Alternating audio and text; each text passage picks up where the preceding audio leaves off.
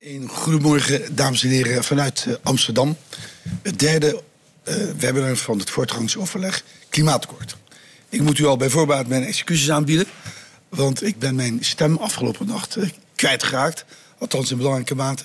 Dus ik ga proberen u door deze uitzending heen te leiden. Mocht dat onverhoopt misgaan, dan zal er een andere presentator komen. Maar nogmaals, van harte welkom.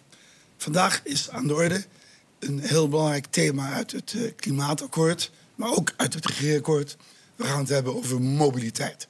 Mobiliteit en het eigen huis zijn hele gevoelige onderwerpen als het gaat over klimaatverandering.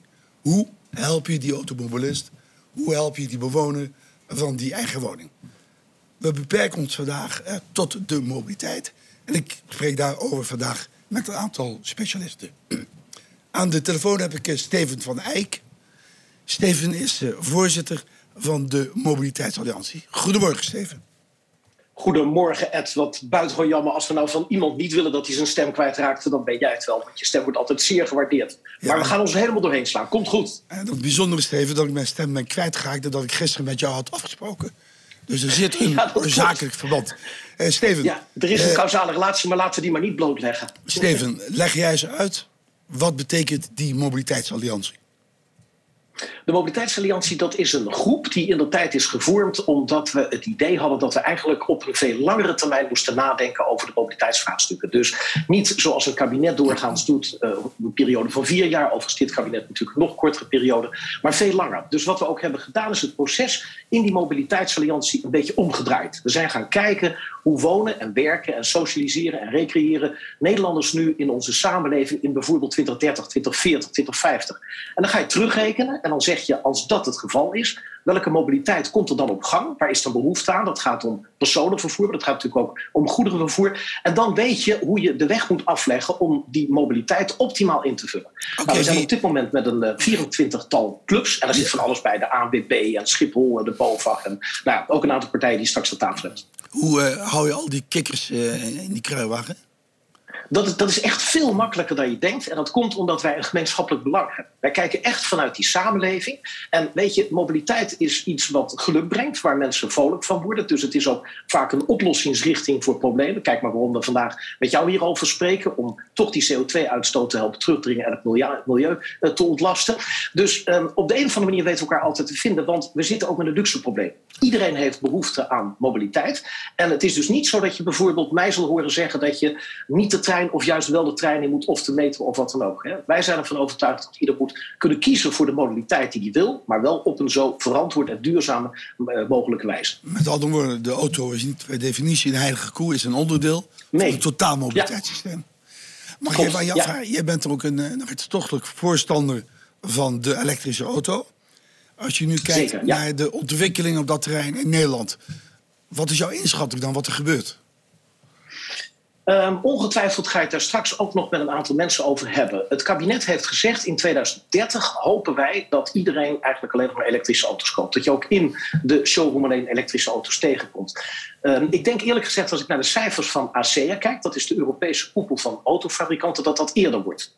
En dat komt omdat er zo'n grote vraag is naar elektrische auto's in werkelijk alle prijsklassen. En dat ook de techniek die nodig is om benzine, diesel en gasauto's steeds uh, zuiniger te maken, steeds milieubewuster te maken heel erg duur is. Dat die twee elkaar gaan snijden op een moment, misschien wel in 2024, 2025. En dat wil zeggen dat je op dat moment, mijn, mijn houdertje gaat er een beetje begeven, dat is een leuk moment. Uh, op zo'n uh, moment, hè, zegt 2024, 2025, dan zal je dus zien dat in alle prijsklassen eigenlijk de elektrische auto ook al in de aanschaf goedkoper is dan zo'n benzine, diesel of gasauto. Nou, een beetje calculeren de Nederlander, en dat zijn we allemaal. Kies dan dus voor die elektrische auto. Overigens geldt nu natuurlijk al vaak dat als je het over de totale levensduur uitrekent, dat je beter elektrisch kan rijden dan niet. Ja, uh, kun je al zeggen dat de elektrische auto eigenlijk uh, nu al is doorgebroken? Ja, op een aantal vlakken wel. Het gaat redelijk snel. Ik denk wel dat we uh, zouden moeten vragen de overheid om dat toch op bepaalde vlakken nog te stimuleren, te steunen. Want je ziet dat die subsidieregelingen ook daadwerkelijk hebben geholpen. Uh, maar natuurlijk moet je ook ondersteunen dat er dan wel een laadinfrastructuur is waar je dat mee kan bedienen. En dat je bijvoorbeeld ook slimmer gaat laden. Dat je wel zorgt met elkaar dat er geen laadpalen terreur ontstaat. Dat mensen de hele dagen blijven hangen. Maar tussentijds een appje krijgen dat ze echt de auto moeten weghalen. Dat je misschien ook het net op een andere wijze en op andere tijdstippen moet belasten. Dat is mogelijk. Ik denk overigens wel dat partijen dan beter met elkaar moeten gaan samenwerken. En even over hun eigen persoonlijke individuele belangen heen stappen. maar dat gaat lukken.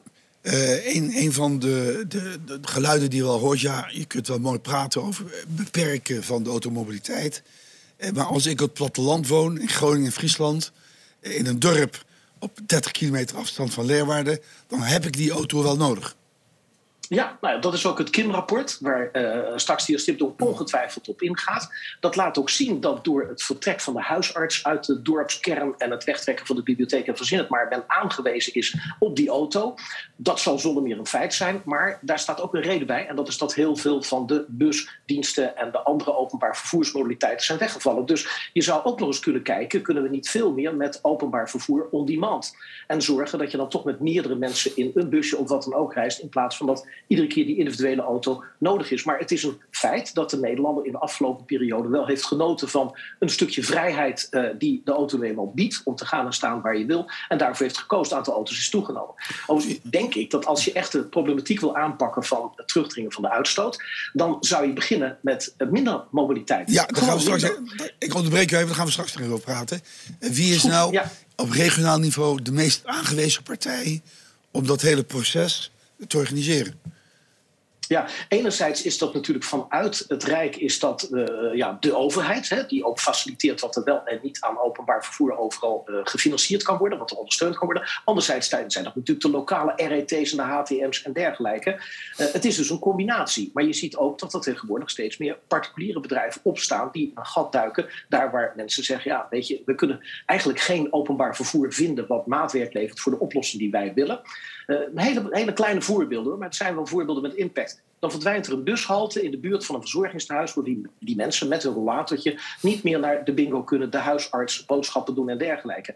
Daar springen vaak vrijwilligers op in. Er zijn veel goede doelenorganisaties die zich daar nu over buigen. We hebben ook opgericht de tijd de New Mobility Foundation... onder leiding van Jan-Peter Balkende... die daar ook financiële bijdrage aan levert... en dat als een soort vliegwiel in Nederland probeert aan te bakken. Ik moet zeggen, dat wordt steeds succesvoller. Ik heb uh, nog één vraag waarvan ik weet dat hij jou bezighoudt. Is namelijk hoe organiseer je in Nederland anders betalen voor mobiliteit. Uh, ik zie lezen het regeerakkoord. Eindelijk overigens de doorbraak dat het uh, officieel genoemd mag worden. zonder dat je in de gevangenis verdwijnt. Het staat dus in het regeerakkoord. Uh, maar er wordt gezegd, ja, dat duurt wel tien jaar. Ik, ik, weet dat jij vindt dat dat onzin is. Kun je dat ons uitleggen? Wat is de ja, oplossing van Van Eyck? Nou ja, het is niet zozeer mijn oplossing, maar als je kijkt naar de planning die men voor ogen heeft, dan zou rond 2030 het systeem van betalen naar gebruik moeten worden geïnitieerd in Nederland. Nou, we hebben er overigens daar al eerder van gezien dat het kabinet voornemens was om dat eerder te doen ten aanzien van het vrachtverkeer dan kan je op verschillende manieren dat invullen. Je zou dat via de Belastingdienst kunnen gaan doen, maar je weet dat de Belastingdienst op dit moment eigenlijk al overbelast is en met de nodige problemen kampt.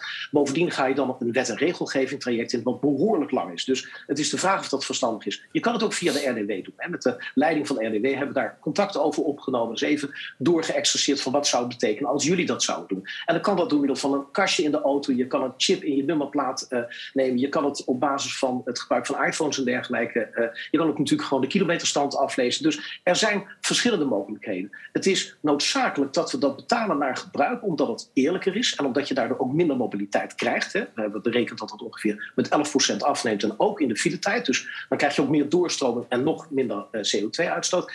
Dat je dat echt moet initiëren op een zo kort mogelijke termijn. En het gaat er bij mij niet in, zeker niet als je het internationaal vergelijkt. Hè, hoe Singapore, en, maar ook Frankrijk, andere landen het hebben ingevoerd, België. Uh, waarom dat niet veel sneller kan. Dus daar moet je echt veel meer efforts op zetten. Eh, Steven, even voor de kijkers thuis. We praten over het systeem als je in Italië of in Frankrijk op vakantie bent. Eh, dan zie je dat de auto's met zo'n kastje rijden gewoon door, die, eh, dat, eh, door, dat, eh, door dat systeem betalingspoort heen.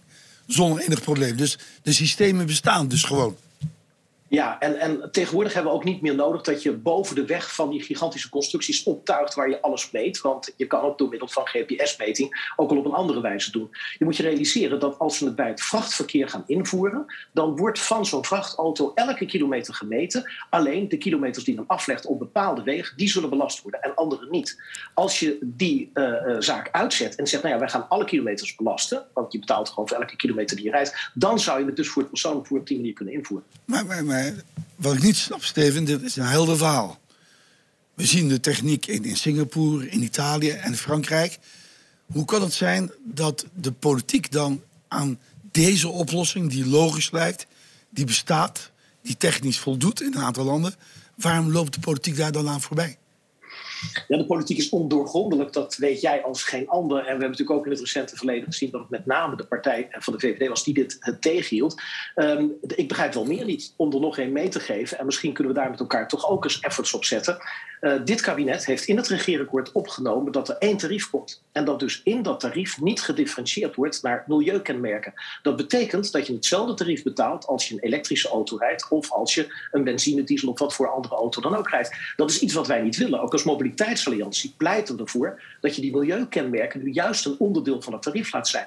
Kijk, dat het niet naar plaats is, naar locatie, ook niet naar tijd, dat vinden we uitstekend. Dan krijg je een systeem wat inderdaad wel te dwingend gaat zijn. En dat is ook politiek onhaalbaar. Maar die milieukenmerken zouden er wel in moeten. En het antwoord op jouw vraag van ja, waarom is dat nu uh, genomen op zo'n lange termijn? Ik weet het echt niet. Ik denk dat we er met het ministerie van Financiën en INW en andere partijen eens goed naar moeten kijken, over moeten praten en moeten zien of dit niet een stuk eerder te realiseren is.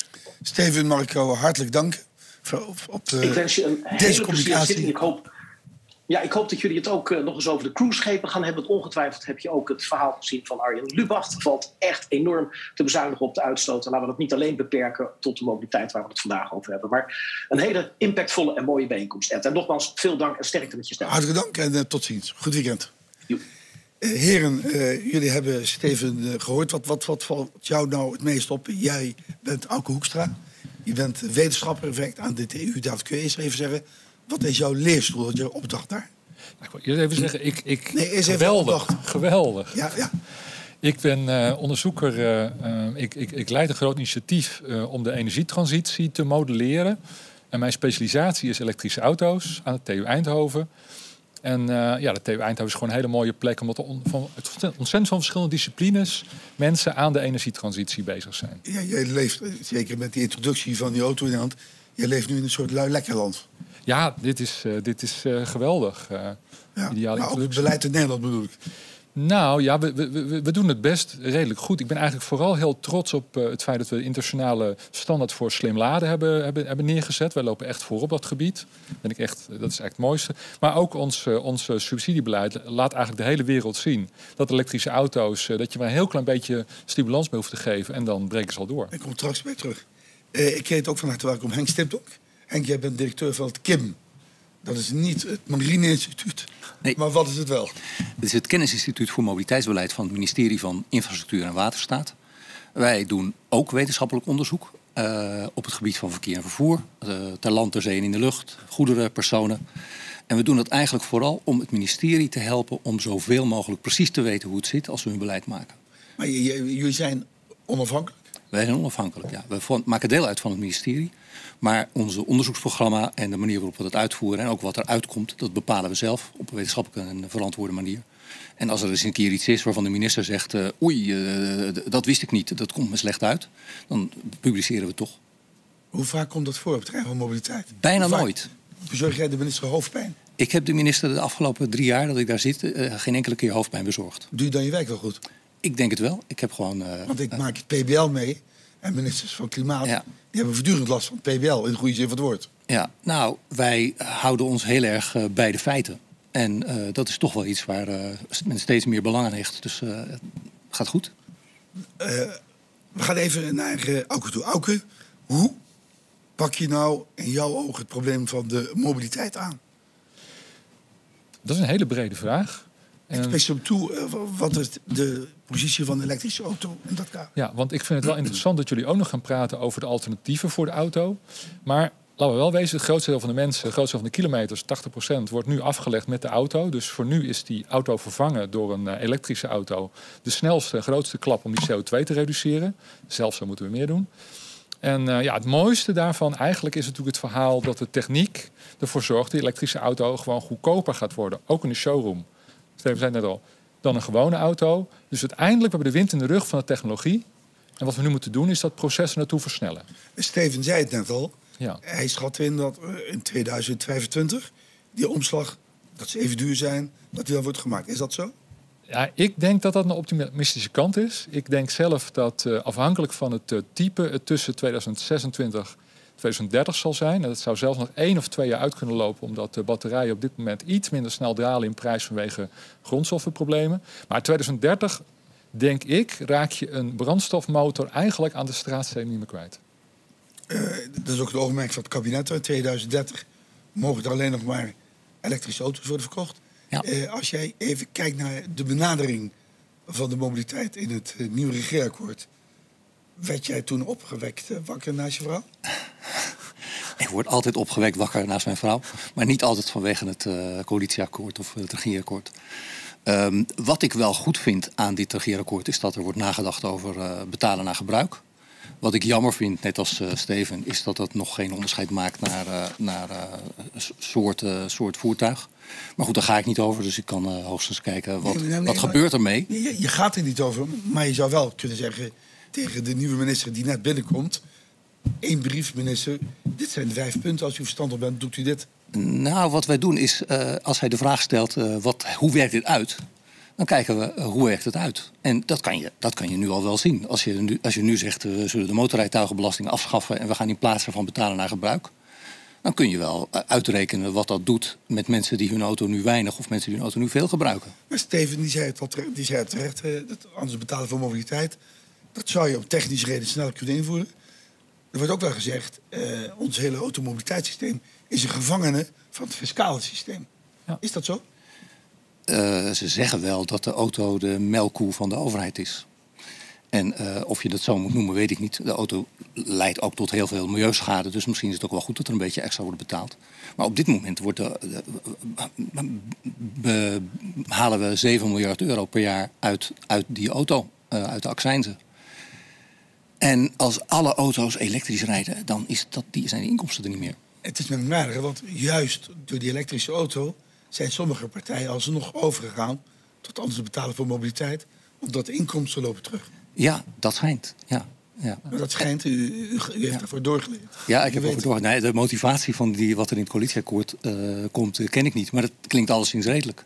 En dat, dat is natuurlijk interessant. Want uh, dat betekent dat, dat we eigenlijk die, die, die nieuwe manier van betalen nodig hebben om financieel ons huishoudboekje op orde te houden.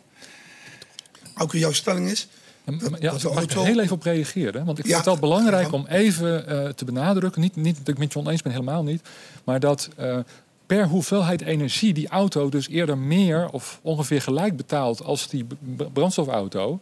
Alleen hij gebruikt gewoon vier keer zo weinig energie. Dus dat argument van ja, hij levert niet genoeg op, dat betekent dus wel dat komt omdat hij zo ontzettend weinig energie gebruikt. Dus dat wil het voordeel niet. Het is net alsof je sommige mensen willen geloof ik een HR-ketel extra gaan belasten omdat je anders je gasinkomsten teruglopen. Dat is natuurlijk niet de mindset. Dus maar, dat maar eens hoor, dat, dat ze maar dat wat ik bedoel is dat die auto gevangen is van het fiscaal systeem. Precies. Want als je gewoon in alle objectiviteit te organiseren, je het alles organiseren.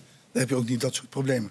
Precies. Dus ik ben, ben super blij dat kilometerheffing daar niet meer zo mag heten. Je inderdaad niet meer in de gevangenis doet belanden, zoals je net uh, terecht zei. Dat is natuurlijk een tijdje een soort rail geweest, een beetje waar je niet aan mocht refereren.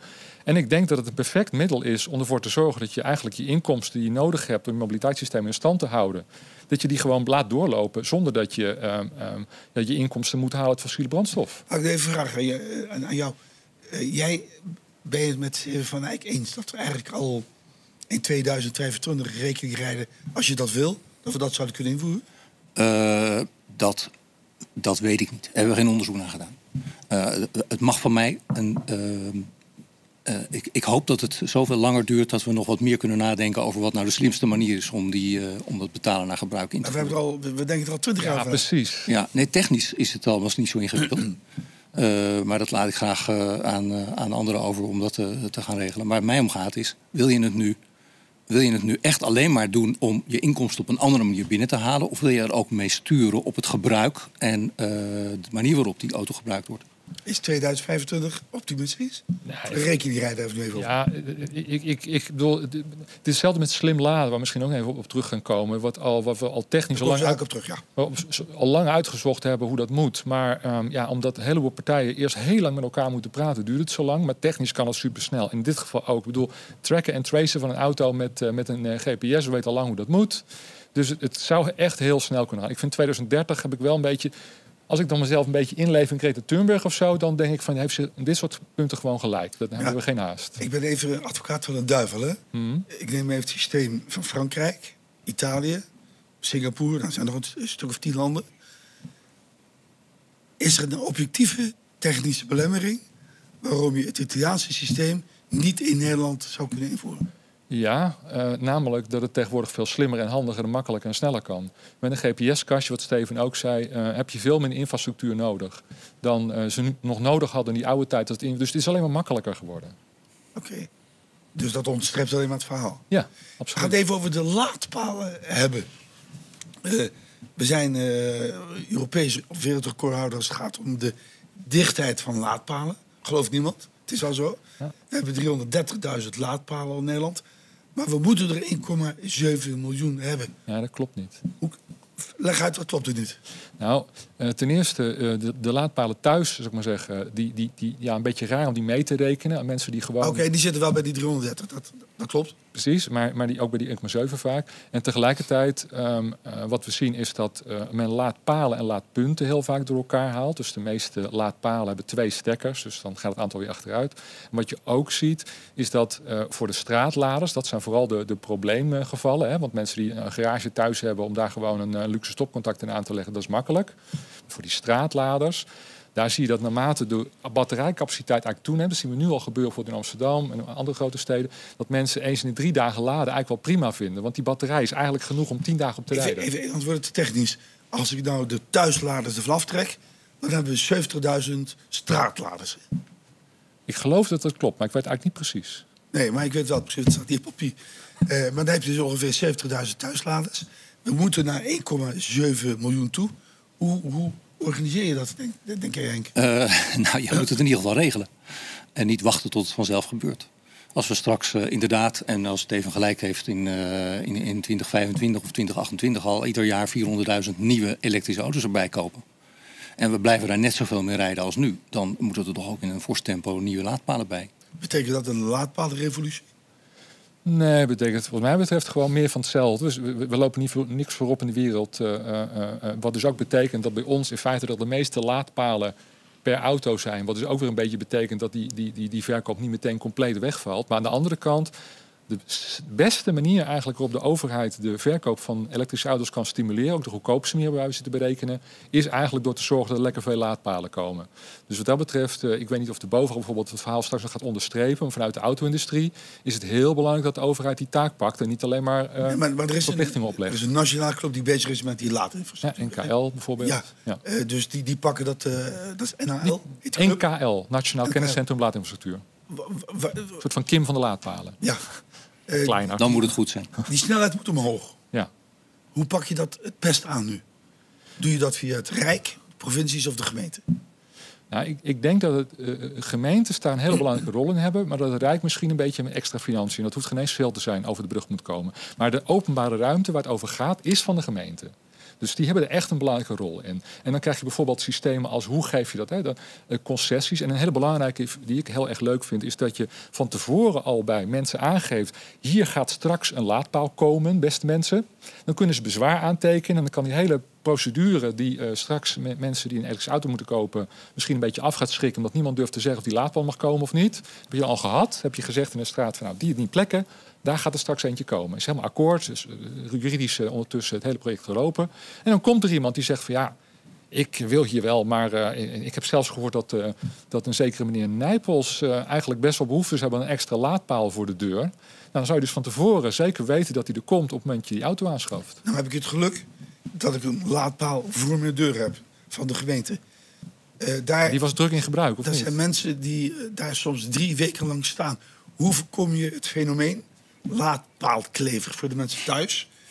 Een laadpaalklever is iemand die zijn elektrische auto of hybride wegzet aan de laadpaal en daar wekenlang laat staan, opgeladen al, waardoor een andere auto daar niet kan staan. Hoe voorkom je dat?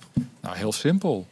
Uh, hef een tarief uh, als mensen te lang aan die paal staan. Als die auto eenmaal vol is en het is uh, op zijn minst bijvoorbeeld is 24 uur nadat die, paal, dat die, dat die auto vol is, ja, dan moet je gewoon eens een keer die auto weghalen. Anders ga je gewoon een duppie per, per uur betalen. Is dat zo. technisch makkelijk te doen? Ja, heel makkelijk. Onze, we hebben meegewerkt aan die standaarden van Stichting ELAT. Is er eigenlijk mee begonnen. was heel erg leuk. In Nederland zijn wij dus begonnen op een gegeven moment laadpalen.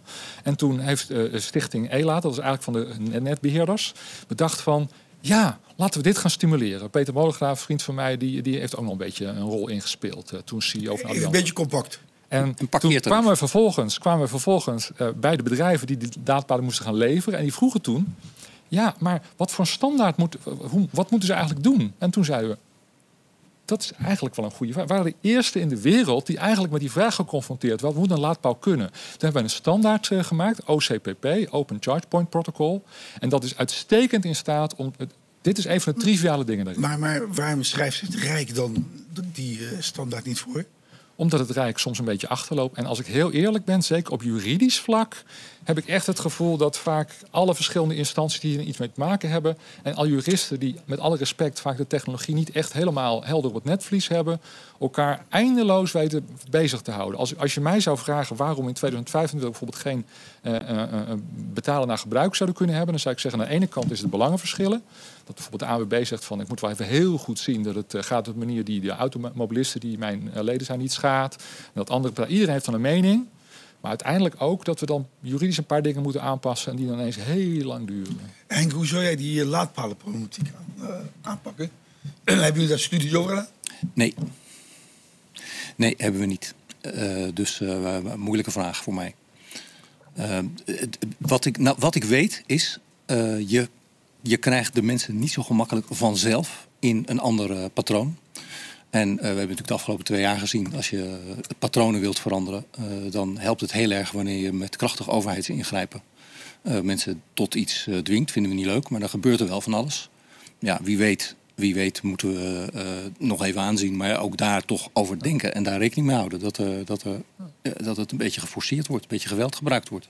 Maar mijn, mijn gevoel is als je het NKL gewoon vraagt wat moeten we doen, hebben ze een hele, heel actieplan voor je klaar liggen. En als we dat gewoon gaan doen, als we gewoon een paar rechtjes aanpassen, gaat het als een tierenlier. Nog even, we moeten er 1,7 miljoen hebben in 2030. Hè? Ja, ja, maar we zitten ook van een groot deel dus niet op straat hoor. Dat, nee, en, nee, maar het zijn er wel aantal. Ja. En het aantal is dan de helft als je kijkt naar de elke twee stekkers zitten. Niet te min een hele hoop. Ja, absoluut.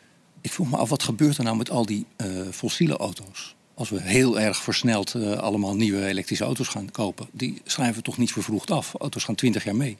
Nou, dus we krijgen dat, die, die dat versnelling. Dat is een grote discussie. Ja. ja, daar gaan we het straks over hebben. Dat is wel weer een, een, vraag. Maar die auto's verdwijnen natuurlijk ook niet. Nee. Je hebt een overgangstijd. Ja, precies. Dus 2030... Hoe lang gaat die overgangstijd duren? Nou, dat is een heel interessante vraag. Want sommige mensen, Tony Seba is er heel bekend mee geworden. Al als ik heel eerlijk ben, uh, roept hij vaak uh, nee, hele optimistische dingen die niet echt heel erg goed ondersteund zijn. Maar het zou best wel eens kunnen zijn, wat je nu al ziet, is dat uh, auto's toch wel licht versneld worden afgeschreven. Want mensen zeggen van ja, die hoef ik niet meer. En bijvoorbeeld elektrische auto's hebben in principe als ze ouder worden veel, weinig, veel minder onderhoud. Dus wat je normaal gesproken ziet bij een auto, op een gegeven moment gaat hij steeds meer onderhoud krijgen en dan doe je hem weg. Elektrische auto's hebben dat veel minder. Dus ik denk dat elektrische auto's langer meegaan en bijvoorbeeld uh, dieselauto's wat korter. Maar het zal waarschijnlijk wel 15 jaar duren, toch wel 10, 15 jaar op zijn minst en misschien wel 20. Dus 2030 allemaal nieuw verkochte auto's elektrisch. Dan zit je nog steeds uh, tot en met 2045 of zo voordat de laatste dieseltjes uh, de weg af. Ja, 80% van de mensen koopt een tweedehands auto. dat ja. zegt dat is iets over de. Ja, de, de, een auto heeft vijf eigenaren. Ja. Ja. Dat komt op hetzelfde neer. Ja. Dus dat gaat tijd kosten. En het begint natuurlijk altijd met de nieuwe auto's. Je verandert het park aan de voorkant. Ja. En daarom duurt het lang. En, maar dat wil niet zeggen dat je het niet moet doen. Dat is gewoon, dat is gewoon dan, bel, dan belt de minister jou straks, na afloop van deze uitzending. Zegt ze, ja Henk, goed gedaan. Dus je hebt laten zien dat je onafhankelijk bent. Als cadeautje mag je drie onderzoeken noemen die jij graag zou willen doen als Kim. Welke drie zijn dat? Het belangrijkste onderzoek dat ik wil doen, dat doen we al. Oké, okay, dat, dat hoef je niet te vragen. Nou, maar het is een heel interessant onderzoek dat, dat ik toch wil vertellen. En dat is dat we op dit moment nagaan wat je nu het beste kunt doen voor het vergroenen van scheepvaartvervoer, vrachtvervoer, vliegen, uh, de gewone auto. Of binnen de stad of buiten de stad. Wat zijn nu de opties? Moet je overal maar altijd rekening houden met en batterijen en waterstof en uh, synthetische brandstoffen? Of moet je dat voor de vliegen en voor varen en voor zeevaart op verschillende manieren doen? Met, met, met wie werken jullie samen als je dat soort vragen bestudeert? Nou, we doen gewoon ons eigen onderzoek. En we werken op dit moment ook samen met, nou, met TNO, maar ook met universiteiten. We hebben heel veel universiteiten waar we Kim Fellows uh, bij ons onderzoek betrekken. Uh, een bekende collega uh, van jou. Maarten Stijnboog? Wat zeg je? Maarten Stijnboog? Nee. Nee, nee. We gaan niet even, heren, we gaan niet over collega's hebben. Ja. even over mobiliteit nog. we hebben het nu over automobiliteit. Maar jullie kijken ook naar vliegtuig. Wij kijken naar alles, ja, ja. Waar liggen nou jouw grootste zorgen? Nou... Nou, misschien wel niet bij de auto. De auto is een grote zorg. Maar we verbranden meer CO2 uh, in de zeescheepvaart in Nederland uh, dan met de auto's. En we vliegen 100 miljard kilometer per jaar. Nederlanders vliegen 100 miljard kilometer per jaar. Dat is meer dan ze autorijden. Uh, althans, als bestuurder autorijden.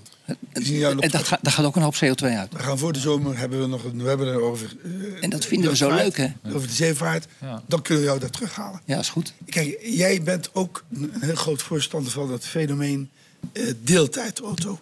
Of zelfrijdende auto's eigenlijk. Ja. Nou, heb ik daar vanuit jouw universiteit al heel veel plannen gezien. We hebben dat oefentraject ergens uh, in de buurt van Eindhoven.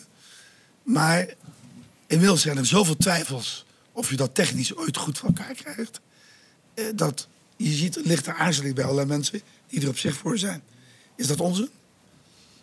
Ja, ik heb daar een uitspraak mening over, maar uh, de, de, de, de, de experts verschillen van mening. Maar ik denk dat we zoveel stappen vooruit zien in zelfrijden. En, en eigenlijk zijn mensen elke keer teleurgesteld dat de auto nog niet helemaal zelfrijdend is. Dan denk je, ja, hallo, dat duurt een paar jaar. Weet je hoe ingewikkeld dat is? Maar als ik hier naartoe rijd, bijvoorbeeld in mijn Tesla, want ik heb inderdaad een Tesla, uh, hoewel ik de nieuwe Volkswagen ook geweldig vind, bijvoorbeeld.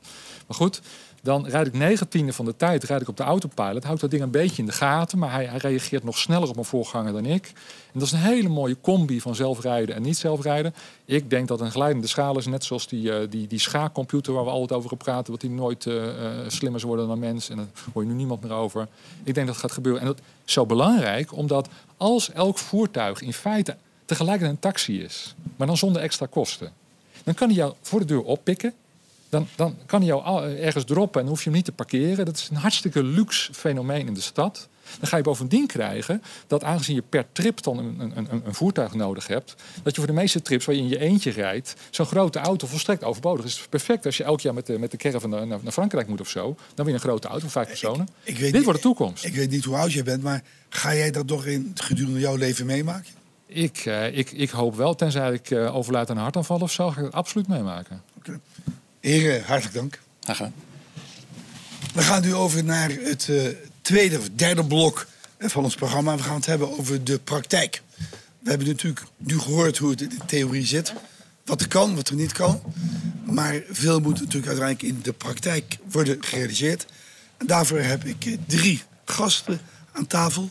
Ik begin bij Gordy Koolman. Jij bent uh, baas, team-expert bij de vereniging waar we het meest van houden als we met pech langs de weg staan. Dat is mooi om te horen. Ja. Wat doe jij precies bij de ANWB? Ja, ik ben verantwoordelijk voor team Belangbehartiging.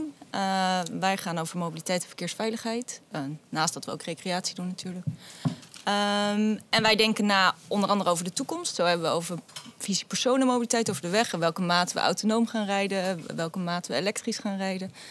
Uh, maar denken we ook na over wat er vandaag de dag uh, moet gebeuren om het uh, zo veilig en zo schoon mogelijk te maken. Rogier, je bent hoofd Public Affairs bij BOVAG. Wij weten wat BOVAG is, maar kun je nog even uitleggen wat is BOVAG wel en niet? Um, wat het wel is, is een ondernemersvereniging.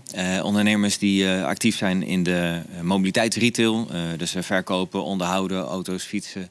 maar ook de dienstverlening eromheen. Dus bijvoorbeeld de autoverhuur, tankstations. Uh, uh, caravans. Dus wel wat breder uh, dan, dan alleen maar dat bordje op de muur van de garages.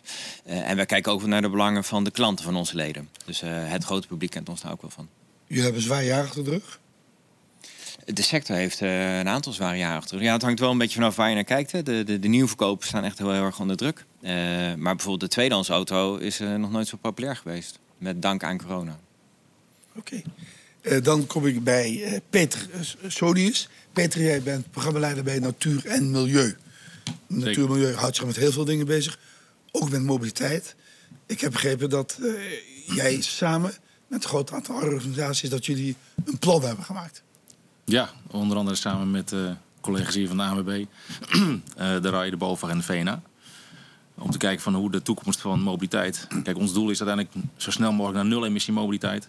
En hoe kunnen we dat met z'n allen meemaken? Dat zijn bijzondere coalities die jullie sluiten, hè? Ja, je kunt ergens tegen zijn en je kunt ergens voor zijn. En wij kiezen ervoor om ergens voor te zijn... en dat proberen met zoveel mogelijk partijen te gaan realiseren. En hoe werkt dat in de praktijk? Je moet concessies doen. Uh, dat is het leven, uh, maar vooral stevige gesprekken. En, um, uh, en ik moet eerlijk zeggen, ik was heel blij met de opening van, van Steven van Eyck. Ik, er is in de afgelopen jaren wel wat gebeurd in de, in, de, in de hele toon en de inhoud van het verhaal. En ik ben heel blij. met één uiteraard opmerking daarbij. er zit nog heel veel wensdenken bij. En er zit nog en heel veel rationele redenaties. En mensen zijn niet zo rationeel, zeker qua mobiliteit. Um, als wij allemaal denken. Dus daar, zit nog wel wat, er moet nog wel wat gebeuren. Rogier, jouw, achterban is niet tevreden over de manier waarop de elektrische auto wordt gefaciliteerd op dit moment? Nee, op dit moment zie je de, de, de stimulering wordt ieder jaar een beetje afgebouwd. Dat lijkt nu harder te gaan dan dat de mensen, of dat, dat, de markt kan absorberen. Ik weet niet of we dit plaatje even kunnen laten zien. maar dit zijn de nieuwverkopen jaar op jaar. Dat zijn de blauwe balkjes en de oranje, geloof ik, is het lijn daaromheen, is het aandeel elektrisch bij de nieuwverkopen. Ja, dat is een aantal jaren flink gestegen. En sinds vorig jaar uh, uh, daalt dat weer. Ja, dat is niet de transitie die we met elkaar in moeten gaan. Het is net al een paar keer aan de orde gekomen. 80%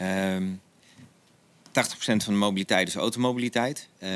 dus elke kilometer die je kan vervangen door een nul-emissie kilometer is gewoon snelle winst. Maar dat het opbouwen van een voldoende park, uiteindelijk ook voor het grote publiek om te kunnen gaan adopteren. 80% van de mensen inderdaad koopt alleen maar een tweedehands auto. Ja, dan moet je echt nu al beginnen met flinke volumes in de markt zetten. Wie, wie is daar de oorzaak van, Rogier, van die terugloop? Wat is daar de oorzaak van? Het, uh, in aantallen heeft het natuurlijk ook nu even korte termijn te maken met uh, chipstekorten bijvoorbeeld. Maar uiteindelijk zie je dat uh, het belang nu sneller wordt, of het beleid sneller wordt teruggeschroefd dan dat de voordelen oplopen. en dat, dat is een probleem voor de komende jaren die we, wat we aanzien komen. Maar het probleem wordt heel veel groter na 2025, want dan is er helemaal geen stimuleringsbeleid meer. En deze coalitie heeft nagelaten om, om in het coalitieakkoord daar afspraken over te maken. Is dat eigenlijk het grote gat in, in de mobiliteitsparagraaf? Ja, want vanaf 2030, hè, en uh, ik heb Steven Eyck daar natuurlijk ook goed over gehoord en andere tafelgenoten. We hopen allemaal dat het sneller kan. Uh, ik moet wel zeggen dat, dat de experts uh, met de feiten waar zij over beschikken niet laten zien dat het sneller kan dan 2030. Dus je moet hopen dat dat lukt. Ik zie zelf eerder een groter risico dat het later wordt dan dat er een kans ligt om het eerder te doen. Maar goed, laten we even uitgaan van 2030. Ja, dan valt er dus een gat van een jaar of vijf, waarin zonder stimuleringsbeleid met alle kennis die we nu hebben, dat het laat zien dat het aandeel elektrisch terugvalt. Jullie hebben dat ongetwijfeld ook ingebracht uh, bij de kabinetsformatie. Daar is dus onvoldoende naar geluisterd. Ja, nou, de, de, uh, een onvoldoende naar gehandeld. Ja. Ja. ja. Is, is dat nu alleen maar een uh, financiële kwestie, denk je? Of is dat ook de overtuiging, nou, zonder die subsidie redden we het ook wel? Nou, um, dat, wensdenken dat zit wel bij een aantal partijen. Uh, en je kan hopen dat het zo gaat. Hè. Wij hopen eerlijk gezegd ook dat het, uh, dat het zo gaat. Uh, alleen ja, tot nu toe hebben ze de feiten niet mee. Hè. Dus zeg maar, alle modellen die er zijn, die, um, die laten zien dat die terugval gaat plaatsvinden als je dat beleid niet op een bepaalde manier doortrekt. En dat hoeft niet. We hebben natuurlijk best hard gestuurd uh, op die elektrische auto afgelopen jaar. Dat kan best een tandje minder, want die auto's worden inderdaad steeds concurrerender. Uh, mensen uh, hebben steeds minder intrinsieke weerstand tegen die systemen. Maar ja, er blijft nog wel wat nodig. En dat is nog even los van het probleem van de laadinfrastructuur. Hè, want ook daarvan kan je hopen dat het de komende jaren goed gaat. We zijn op dit moment wereldkampioen. Maar de uitdagingen worden wel steeds groter. kijk naar de netcapaciteit. Kijk naar inderdaad wat er gebeurt in de straten. Geordi, eh, jullie als grootste eh, vereniging van Nederland... al helemaal op het terrein van automobiliteit... Eh, wat hebben jullie tegen de partijen gezegd toen ze bezig waren met deze coalitie... als het gaat over dat elektrisch stimuleren? Ja, wij waren onderdeel van, de, van, de, van onze coalitie, bedoel je? Ja. Ja, eh, wat voor ons heel belangrijk was, is dat we kijken naar welke auto's een plek vinden op de tweedehandsmarkt. Omdat wij heel graag handelingsperspectief aan de mensen willen geven die een tweede of een derde of misschien zelfs een vierdehands auto hebben. En ehm, eh, juist ook het gesprek met elkaar voeren, luister, het, het lijkt goed te gaan, hè? we krijgen goede instroom. Maar als je kijkt naar hoe groot het wagenpark is en welke kleine hap er elk jaar in komt, ja, dan, dan is er heel veel werk aan de winkel voordat iedereen een eerlijke kans heeft om ook elektrisch onderweg te zijn. En ehm, als je ziet dat mensen nadenken over betalen naar gebruik, waar wij in principe voorstander van zijn, hè? hangt af van de tarieven die er aan hangen.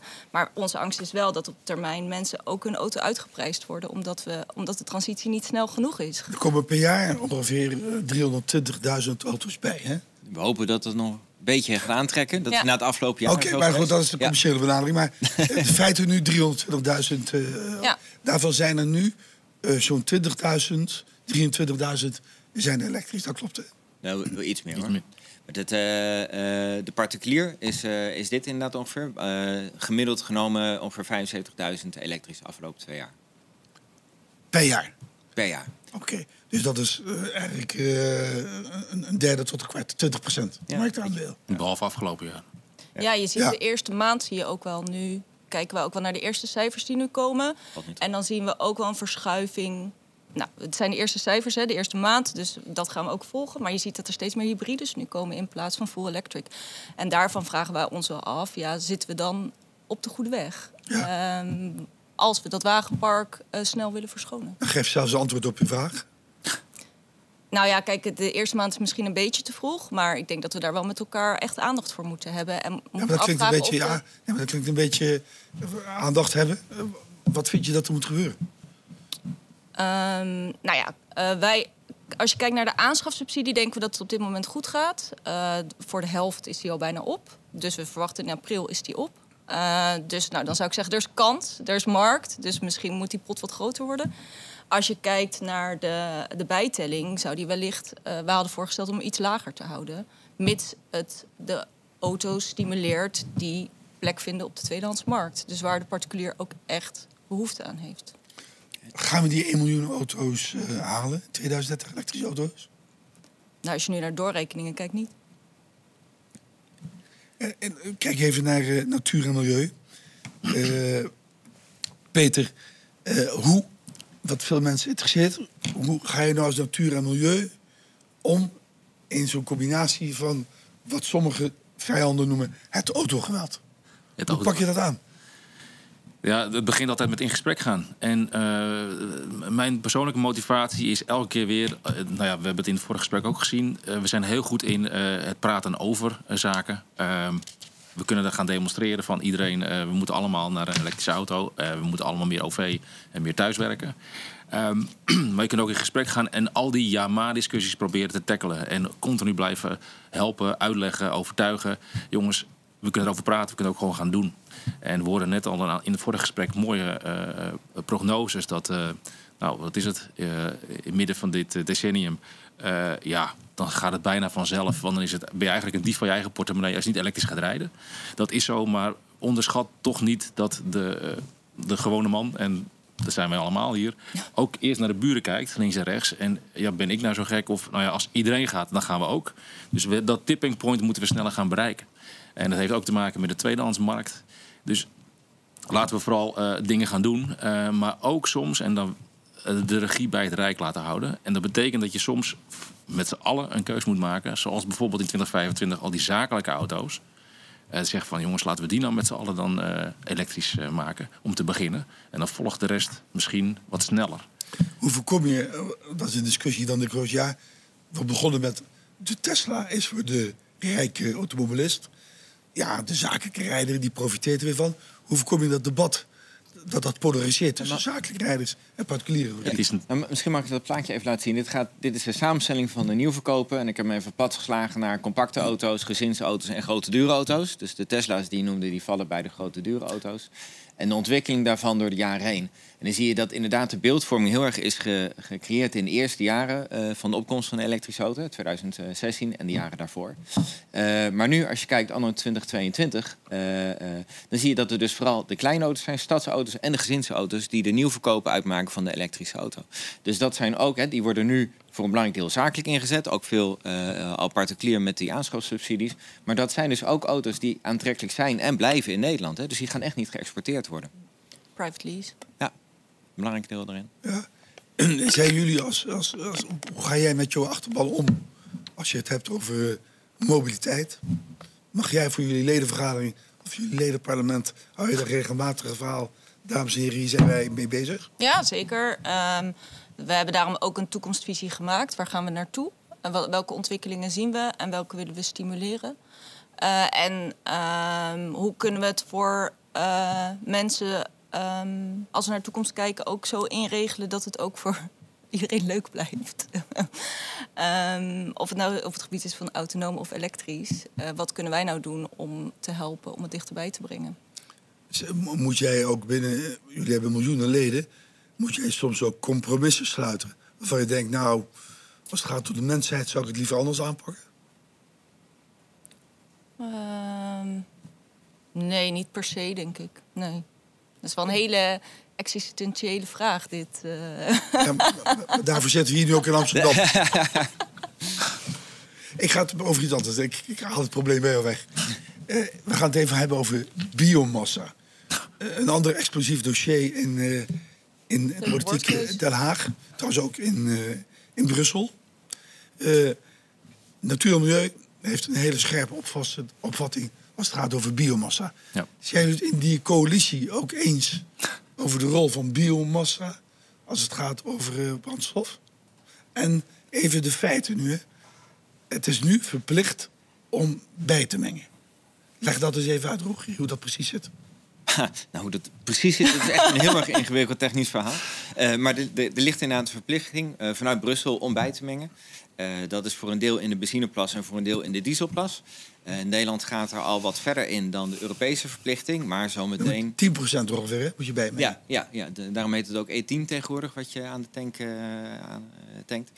Um, en in de nieuwe Europese wetgeving, dat Fit for 55 pakket, daar zit nog weer een aanscherping van die bijmenging in. En ik probeer hem even of we het, eh, zeg maar, wat we in het plan daarover hebben opgeschreven, of daar aan deze tafel over eens uh, zijn. Er wordt onderhandeld, dames en heren. Hier. Ja, ja, nou ja, we blijven um, bezig. Maar...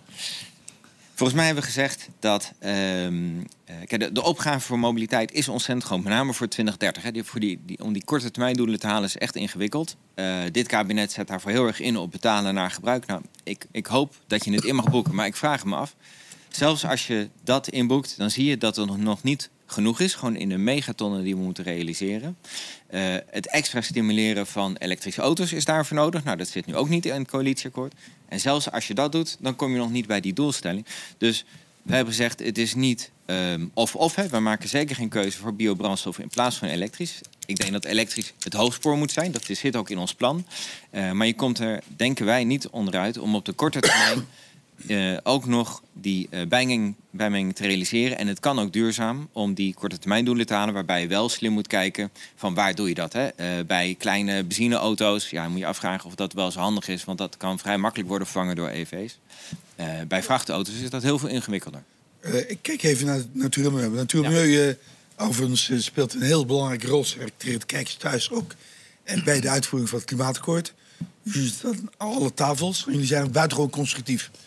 Dus dat Dank. zet ik even uh, buiten haken. Maar als het gaat over biomassa, dat is wel een hele spannende discussie ook voor jullie.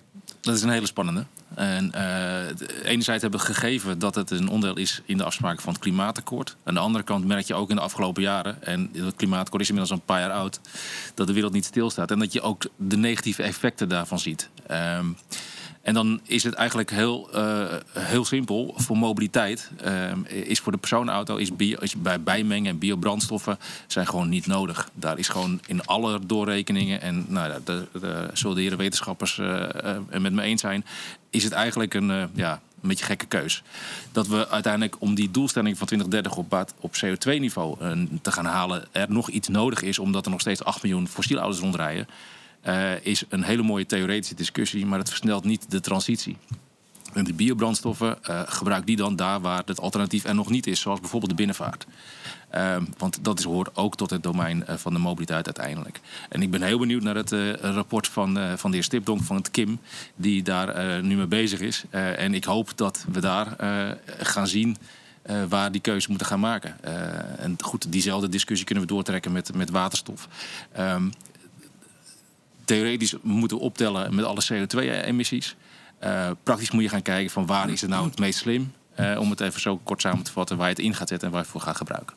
En wij denken dat voor personenmobiliteit, uh, bijmenging, nou ja, er zijn bestaande afspraken. Maar als het al gaat over ophoging, dan al helemaal niet. En doe het niet. Nou, dan zitten we met Europese verplichtingen als het gaat over bijmenging. Ja. Dus het is verplicht. Ja, dat, dat is een, een, een, gegeven waar we mee moeten dealen, om het zo maar te zeggen. Aan de, aan de andere kant worden ook al die discussies uh, gevoerd in Europa en die blijven voeren. En ook met onze zusterpartijen en Europese organisaties zullen er ook blijven. En de, met voortschrijdend inzicht, wetenschappelijk, uh, uh, om te zeggen, dat was een goed idee. Maar met voortschrijdend inzicht moet je daar misschien andere keuzes in maken. Zullen dat blijven... Ja. Links achter me gerommel. Ja. Dat is... Auke Hoekstra. Auke, jij wilde wat zeggen aanvullen dat uh, wat we met voortschrijdend inzicht dus geleerd hebben, eigenlijk is dat als je op de ene postzegel maar zeggen, heel goed biomassa regelt, dat er toch ergens anders op de wereld een andere postzegel is, waar het misschien consequenties op heeft. En als je dat meeneemt, dan ineens ontstaat nu toch wel een beetje het idee van het is niet zo'n goed idee. Maar wat ik dus het leuke vind eraan toe te voegen, is dat ook met vrachtwagens steeds meer grote bedrijven nu voor elektrisch kiezen. Dus ik roep al een jaar of vijf, zes van elektrische vrachtwagens sowieso voor ongeveer 80% van de ritten geen enkel probleem. En uh, ja, Scania en een heleboel andere uh, grote bedrijven zeggen nu van dat zien we ook.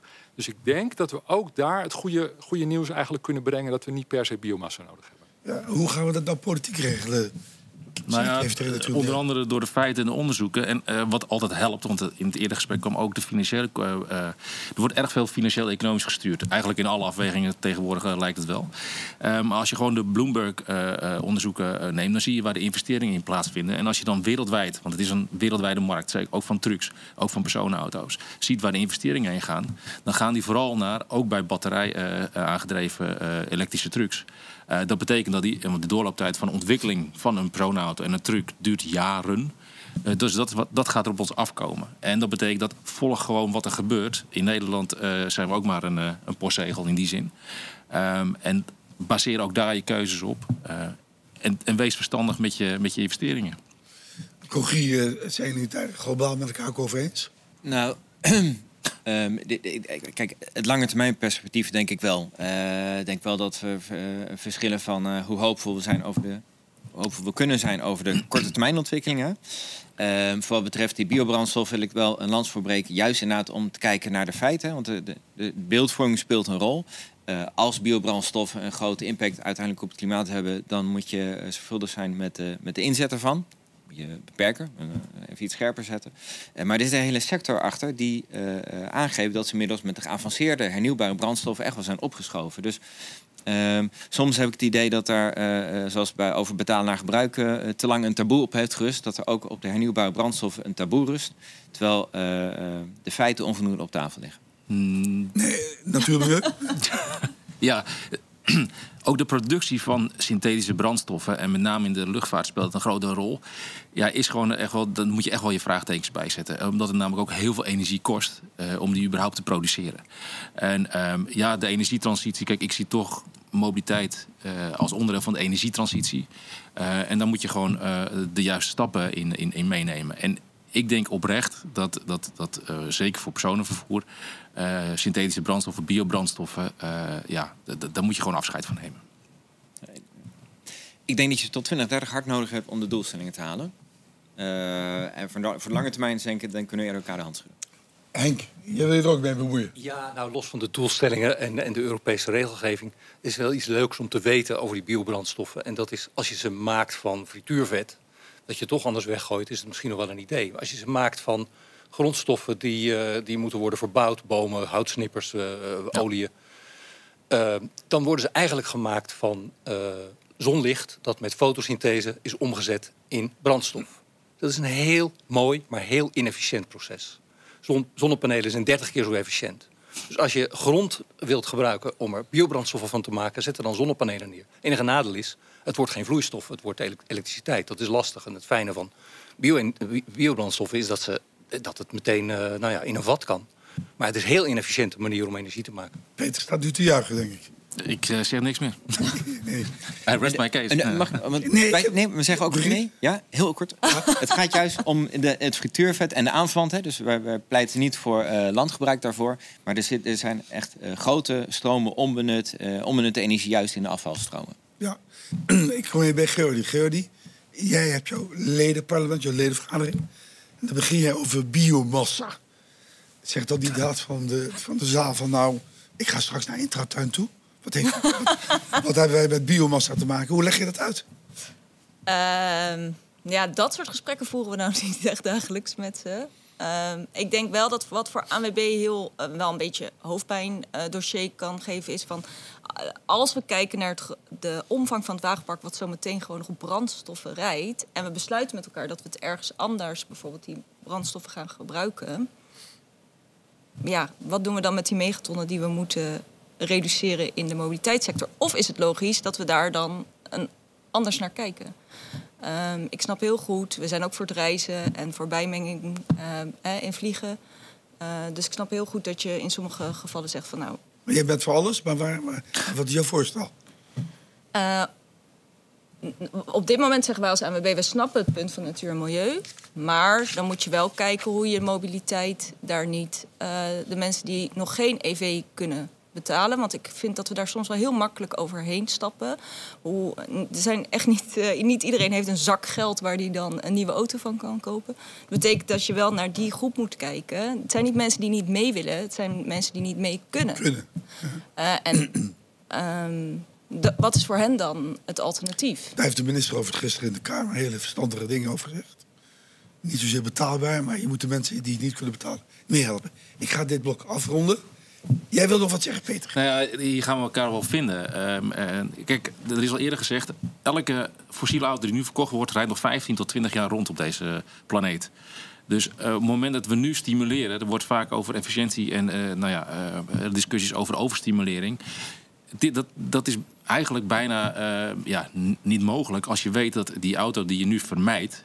die fossiele auto die niet op de weg gezet wordt... maar een elektrische auto... die gaat 15 jaar lang niet emitteren, om het zo maar te zeggen. En als je dan eh, extra stimuleert nu om dat aandeel eh, van de, de nul-emissie-auto's te vergroten, dan, eh, ja, dan is dat vooral in de lange termijn gaan we die doelen alsnog halen. En nu de korte termijn die doelen halen in 2025, 2030, vinden we heel belangrijk. Ik ben blij dat iedereen daarover denkt. Eh, maar de manier waarop, hè, ook over circulair, gaan nu niet in één keer alle auto's eh, opkopen en naar Oost-Europa transporteren, want dat, dat helpt het klimaat ook niet. Ik ga afronden. Ik heb nog één slotvraag aan jullie. Graag een kort antwoord. Ben je optimistisch over eh, het halen van die doelstellingen in het regeerakkoord? Ehm, medium, laat ik het zo zeggen. We zijn optimistisch over dat EV de toekomst is. Dus dat is even een nuance ervan. Wij zeggen als ANWB, we moeten misschien over een tijdje niet denken over EV stimuleren. Maar wat doen we met de rest van de groep? Dus hoe gaan we uitfaseren? Rogier? Ehm, eh, nee, niet optimistisch over die doelen. Ik denk dat die 100% gaat niet vanzelf betalen naar gebruik, gaat niet vanzelf. Eh, dus er zal een tandje bij eh, moeten. En ik eh, denk dat dat nodig is, zeker voor de, eh, de komende jaren en de jaren na 2026. En ik hoop wel dat, eh, dat dit kabinet er al wel een uitspraak over gaat doen. Peter? Ik sluit, me daar, eh, ik sluit me daarbij aan. Een tandje erbij. Ik mag jullie heel hartelijk danken voor deze bijdrage.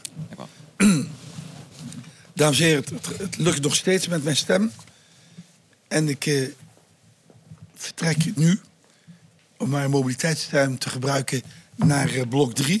We gaan het hebben over het eh, toekomstig beleid. Moet er een systeemverandering gaan komen? Hoe kijken jongeren aan tegen mobiliteit? En wat kunnen bedrijven soms zelf doen? Bedrijven die niet wachten op de overheid. Ik heb aan tafel zitten Floor Alkemade, eh, hoogleraar aan de TU Eindhoven. Eindhoven is eh, goed vertegenwoordigd eh, vandaag. Ik ga naar Tessa Dol van de Jonge Klimaatbeweging. En naar Tamara Boonstra, die is coördinator van de coalitie Anders Reizen. Tamara, ik begin even bij jou. Wat is die coalitie Anders Reizen? Wat is dat precies? Coalitie Anders Reizen is een, een netwerk van uh, 70 grote werkgevers die ongeveer een vertegenwoordiging hebben, vertegenwoordiging hebben van meer dan 500 werknemers. Die als doel hebben gesteld om voor 2030 50% CO2-reductie uh, te realiseren op zakelijk reizen. Hoe is die coalitie zo tot stand gekomen? De coalitie is op, tot stand gekomen in 2015 op de weg naar uh, de klimaattop in Parijs. Waarbij een aantal CEO's toen zeiden... we gaan niet wachten op Den Haag, maar we gaan kijken... hoe kunnen we samen de handen ineenvouwen om te kijken... wat kunnen we vanuit het bedrijfsleven zelf doen... om eigenlijk die climate change uh, te kunnen tackelen. Tessa, jij vertegenwoordigt de jonge klimaatbeweging. Het woord zegt het al. Uh, hoe functioneert dat eigenlijk, de jonge klimaatbeweging? Wie zijn dat precies? Uh, de Jong Klimaatbeweging uh, zijn op dit moment meer dan 80 vrijwilligers samen... die uh, de stem van 100.000 jongeren vertegenwoordigen. 80 vrijwilligersorganisaties? Ja, we zijn, nou ja, nee, we zijn met 80 vrijwilligers. Ja. En we vertegenwoordigen ongeveer meer dan 70 jonge organisaties. Dus 100.000 jongeren ongeveer. en we brengen hun stem naar Politiek Den Haag. en daar vertegenwoordigen wij in het klimaatdebat. Hoe zorgen jullie ervoor dat jullie representatief zijn? Uh, nou ja, we gaan dus met jonge organisaties uh, in gesprek. En dat betekent dat je automatisch een veel grotere en diversere achterban uh, kan creëren. En dat doen we aan de hand van klimaatdialogen. Dus dan, dan gaan we meteen in gesprek aan de hand van thema's. Eentje daarvan is mobiliteit. En dan vragen we hoe willen jullie dat in 2040 je toekomst eruit ziet. Floor, je bent hoogleraar in Eindhoven.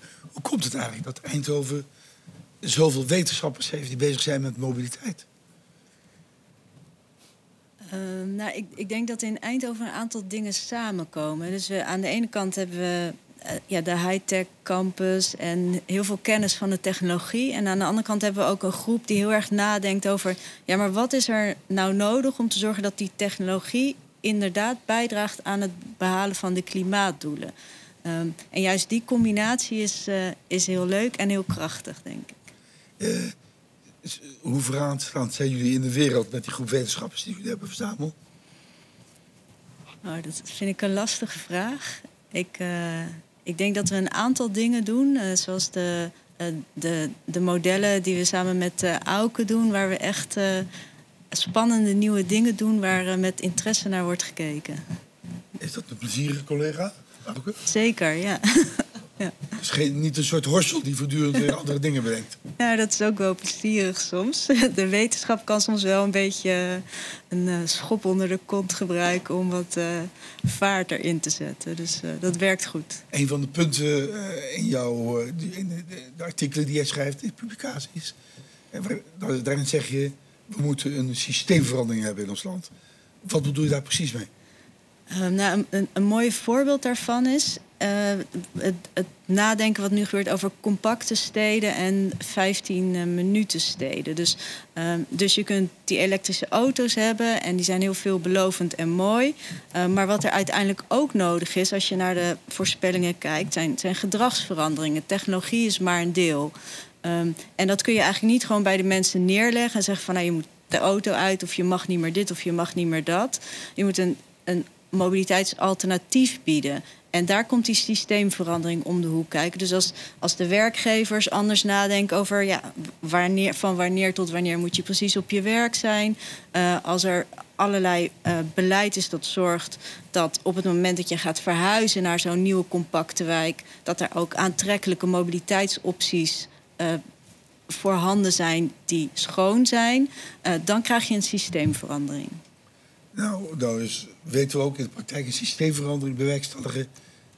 Dat betekent cultuurverandering. Ja. En dat is buitengewoon ingewikkeld. Ja. Hoe stimuleer je nou die, die, die systeemverandering? Moet de overheid dat organiseren? Zijn het maatschappelijke groeperingen? Nou, ik, ik denk dat het wel meer coördinatie vergt dan we de, de afgelopen jaren in het beleid hebben gezien. Um, en het vergt ook een, een, wat andere manier van nadenken over het beleid. En dat kwam eigenlijk in de voorgesprekken al naar voren. Er werd gesproken over kantelpunten. En ook als je nadenkt van nou, overstimulatie nu is misschien niet zo erg als het allerlei problemen later voorkomt. En dat, uh, ja, dat is toch een hele andere manier dan van nadenken over beleid dan het huidige beleid, wat toch heel erg gericht is op of mobiliteit of energie en op kostenefficiëntie. Dus, dus ja, daar is meer coördinatie nodig. Ja, dat, dat klinkt mooi, meer coördinatie. Ja. Maar dan ben ik nog niet van hoe je dat dan maatschappelijk, die verandering, zou kunnen be be bewerkstelligen. Is dat de overheid die dat moet aangeven? Ja, Of ja. een maatschappelijke organisatie, hoe krijg je dat Ik, georganiseerd? ik denk deels wel. Ik vind het echt heel leuk dat de werkgevers daar ook eh, ehm, zo actief mee bezig zijn. Maar wat, wat we nu zien is eigenlijk dat steden daar wat meer het voortouw nemen dan de, dan de landelijke overheid. Dus er zijn steden die, die behoorlijk ambitieuze ideeën hebben over ehm, de auto uit de stad halen op een manier dat het de leefbaarheid vergroot. Dus dat het, dat het niet als een verlies wordt gezien, maar ja, toch als een, als een winst voor de bewoners. Ehm, en eh, de landelijke overheid is daar wat terughoudender in. Daar is toch meer de dialoog van ja, we kunnen mensen niet dwingen of we willen mensen niet dwingen. Ehm, Je ziet dat er in, grote steden die de mobiliteit aanpakken, aanvankelijk heel veel weerstand. Als die auto uit het centrum wordt weggehaald, uiteindelijk wordt het succesvol. Ja, ja en, en ik denk dat dat, dat dat is enerzijds natuurlijk logisch, maar het is, ik denk dat we daar ook ehm, meer gebruik kunnen maken van natuurlijke momenten waarop je zo'n systeemtransitie in gang kan zetten. Dus als je denkt over de, eh, al die nieuwe woningen die gebouwd worden, brengt heel veel verhuizingen met zich mee. En dat zouden mooie momenten kunnen zijn waarop mensen overstappen naar een duurzamer mobiliteitspatroon. En zo wordt er eigenlijk op dit moment helemaal niet over nagedacht. Maar dat zijn allemaal kansen die we echt moeten benutten om die klimaatdoelen te halen. Ik heb jou wel eens horen zeggen, eh, de auto is helemaal niet meer die heilige koe die de oudere Nederlander allemaal vonden staan. Ja, dat zou je eigenlijk ook eh, aan de jonge klimaatbeweging eh, moeten vragen. Maar we zien daar natuurlijk wel een verschuiving. Ja, een verschuiving. Nou ja, de, dus de auto, de meeste auto's die staan heel groot deel van de tijd stil. En als ze rijden, dan zit er één persoon in. Dus het is, het is ook Ik niet heb zo'n begrepen heel... dat de auto per 24 uur gemiddeld 23 uur stilstaat. Ja, Is dat ja. echt waar? Ongeveer. Ik weet de cijfers niet precies, maar dat zou heel goed kunnen. Ja. Dat klopt. Ja. Ja, dus, Gemiddeld dat is, ja, dus dat is eigenlijk helemaal niet zo'n efficiënt systeem. En wat we nu zien met, met initiatieven voor deelvervoer, de, die, die zelfrijdende auto's, hè, die zouden ook de mogelijkheid bieden om eh, nuttig gebruik te maken van de reistijd. Wat bijvoorbeeld in de trein als een, als een voordeel wordt gezien. Dus ja, daar is, de voorkeuren zijn daar wel een beetje aan het verschuiven. En we hebben dat natuurlijk gezien tijdens de, de afgelopen lockdowns. Dat mensen toch ehm, positief waren, in zekere zin, over het. Ze misten heel veel dingen van niet naar buiten kunnen. Maar ze vonden de, de flexibiliteit en het verminderen van, eh, van de reistijd. vonden ze aantrekkelijke aspecten van dat thuiswerken. Dus als we een manier vinden om dat te behouden, dat zou klimaatwinst opleveren. Ik heb ooit wel eens, toen ik eh, milieuminister was, een debat in de Tweede Kamer over mobiliteit gezegd. Je kunt beter met eh, de vrouw van je vriend vandoor gaan dan met zo'n auto. Herken je dat beeld? Eh, ja, nee, dat herken ik niet. ik heb eigenlijk ook geen auto. Oké. dus, eh, Ik kom even naar de jonge klimaatbeweging. Eh, hoe kritisch ben jij over het mobiliteitsbeleid zoals wij dat nu de komende vier jaar gaan voeren? Dus kijkend, jullie hebben opvattingen over het regeerakkoord. Die heb je daar buiten uitgedragen. Vertel daar eens even over, iets over aan ons. Ja, in het, eh, in het regeerakkoord wordt voornamelijk ingezet op elektrische auto's en elektrificatie. eh, inderdaad, de laadpalen, infrastructuur verbeteren. Ehm, maar ja, eigenlijk wat hier ook al wordt gezegd, wij zijn, het er, wij zijn ervan overtuigd dat je moet gaan kijken naar een mobiliteitssysteem waarin auto's een veel kleinere rol gaan spelen. Ehm, er zijn best wel veel redenen om niet alle auto's te willen eh, vervangen door elektrische auto's. Eentje daarvan werd al genoemd, dat is het tekort aan grondstoffen, eh, kritieke materialen, ehm, vooral de metalen. Ehm, en nou ja, daar is volgens mij ehm, geen consensus over of, we die, of daar genoeg grondstoffen voor zijn. Maar ook als, je, als er genoeg grondstoffen zijn, dan zorgt het wel voor enorme ecosys- ecosysteemdegradatie op andere plekken in de wereld. Dus dat is sowieso al een reden om niet elke auto eh, elektrisch te willen maken. Maar daarnaast is het dus een enorm een verspilling van ruimte eigenlijk. En in Nederland hebben we natuurlijk een enorm ruimtetekort eigenlijk. Ehm, als je kijkt naar de mobiliteitstransitie in, eh, in het grotere plaatje van de energietransitie, is het ook niet zo dat elke elektrische gereden kilometer automatisch uitstootloos is natuurlijk. Eh, elektrisch rijden is niet automatisch eh, schoonrijden. Dus je, moet, je kan ook zeggen, oké, 80% is automobiliteit, maar kunnen we dan niet die mobiliteit vervangen door gedeelde mobiliteit. Dus inderdaad gedeelde auto's, maar ook meer gebruik maken van het OV-systeem en dan bijvoorbeeld parkeerhubs hebben uh, aan, de kant van, aan de rand van de steden. Dus dat je het echt een autovrije stad maakt. En dat je dus met bijvoorbeeld een tram naar de rand van de stad gaat en daar dan pas de auto pakt. Er wordt gezegd hè, dat de jeugd tegenwoordig veel minder uh, hecht aan het bezit van een auto. Ja. Zie je dat ook bij, jou, uh, bij jouw medestudenten? Ja, nou, ik heb er toevallig gisteren nog een gesprek over gehad met een vriend van mij. En die zei, ja, ik ben het in theorie helemaal met je eens. Maar ik merk wel dat ik het persoonlijk nog heel lastig vind. Dus ik denk wel dat er een, echt een normverandering moet komen. Veel mensen zien auto's toch nog steeds echt als het teken van hun vrijheid. Dat ze kunnen gaan en staan waar ze willen. Um, maar dat hoeft natuurlijk niet te veranderen op het moment dat je naar de rand van de stad gaat met een tram en dan daar de auto pakt. Dat is op zich geen grote verandering. Het enige is dat we nu de auto echt nog zien als een verlengde van ons huis. En dat we dus willen dat er voor ons huis altijd iets staat waar we in kunnen stappen in ons eentje. En die inderdaad 23 uur per dag stilstaat. En dat is gewoon best wel ruimteverspilling, zien wij. Ik heb in jullie manifest, eh, of een van jullie manifesten, ook iets gelezen over uh, hybride werken. Is een van de oplossingen. Wat bedoel je daar precies mee? Ja, nou ja, wat eigenlijk ook al werd gezegd, als je niet meer de standaard uh, eh, 9 tot 5 baan hebt, dan heb je dus ook niet die spitsuren. Dat uh, betekent niet dat je elke dag naar je werk hoeft. Je kan veel meer thuis werken. Maar ook, um, stel dat we geen 40-urige werkweek meer aanhouden, of 36, dan betekent dat ook dat de, de spits gaat, verleggen, uh, gaat verleggen. Dus dan... Wat, wat bedoel je daarmee? niet 40, moeten we minder gaan werken? Ja, dat is dan weer een ander thema, denk ik. Maar... Ja, maar dat schrijf je wel op. ja, klopt. Maar leg eens even ja. uit ze hebben op dit moment meer vacatures dan werklozen. Mm -hmm, ja. Jij gooit er nog een beetje olie op het vuur. Ja, ja zeker. Nou, ik denk dat de coronacrisis ook wel heeft laten zien dat er veel bullshitbanen zijn. Um, dit is ja, best wel een hot topic, denk ik. Waarbij veel mensen ook zeggen dat, het, inderdaad, dat er nog steeds een enorm arbeidstekort is. Maar ik denk dat dat voornamelijk in bijvoorbeeld de energietransitie zo is. Omdat we op dit moment nog niet heel effectief onze mensen inzetten. Nee, we hebben in alle sectoren. Ja. En de energietransitie is de vierde sector. Ja. Maar ik doe maar even, uh, kijk even naar jou als student. Ja. De horeca heeft een schreeuwend tekort aan goede mensen. Ja, klopt. Ja, nou ja, ik, ik denk, wij denken dat je, dat je mensen veel effectiever moet gaan inzetten. Want op dit moment is het, het is sowieso uitgewezen dat die 40-urige werkweek... die stamt natuurlijk uit de industriële revolutie... toen we nog echt lopende bandwerk deden. Maar nu ben je over het algemeen drie uur heel erg effectief aan het werk achter je computer. En dat is dus, gaat dan echt over computerbanen.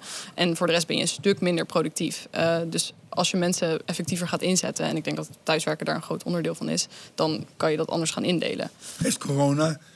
Uh geholpen om dat denken te veranderen, denk je? Ja, ontzettend. Ja, thuiswerken is natuurlijk veel meer de norm geworden. En we vinden het niet meer gek om in plaats van uh, allemaal naar Utrecht te reizen... gewoon een uurtje online te vergaderen. Dus dat kan het woon-werkverkeer al enorm gaan beïnvloeden... als we dat vasthouden. In maar ik zat gisteren in een trein met vier studenten tegenover me. Eén naast me, twee tegenover me. En die zeiden heerlijk weer dat we gewoon naar de universiteit kunnen. Dat we gewoon eruit kunnen. Dus ik zei enthousiast in jouw geest... Maar het was ook fijn dat je dat thuis kon doen. Nou, ik werd er nog net niet de trein uitgegooid. ja, nee, ik denk ook, het is natuurlijk, het is helemaal niet de bedoeling dat iedereen de hele dag thuis zit. Dus, maar ik denk dat er wel een balans in kan worden gevonden dat, dat je niet meer elke dag van 9 tot 5 op werk hoeft te zijn. Tamara, uh, jij vertegenwoordigt een aantal bedrijven die voorop lopen. Dat is eigenlijk een, een, een heel mooi initiatief. Wat doen die bedrijven precies in hun bedrijfsvoering? Um, de bedrijven die aangesloten zijn bij de coalitie Anders Reizen... die staan eigenlijk voor de verduurzaming van hun zakelijk reizen. Dus dat is het woon-werkverkeer, het functioneel zakelijk reizen... en het internationaal reizen. En daarbij aangesloten, we hebben gemerkt in de afgelopen twee jaar... door de inzichten van corona, dat eigenlijk die nieuwe manier van werken... wat we dan even het hybride werken uh, noemen... dat het een significante bijdrage gaat leveren aan hoe we in Nederland gaan werken en reizen. En we hebben een onderzoek gedaan uh, afgelopen zomer van vorig jaar onder 6000 uh, medewerkers, waaruit heel duidelijk werd gebleken dat minimaal 50% van de medewerkers, waar het voor mogelijk is, die willen voor 50% van hun contracturen thuis blijven werken. Dat betekent hè, minder reisbewegingen. En op het moment dat daar je als uh, werkgever integraal beleid voor maakt, hè, dus uh, als je niet reist, hè, dat is de meest duurzame reis. En als je wel gaat reizen, doe dat dan zo duurzaam mogelijk.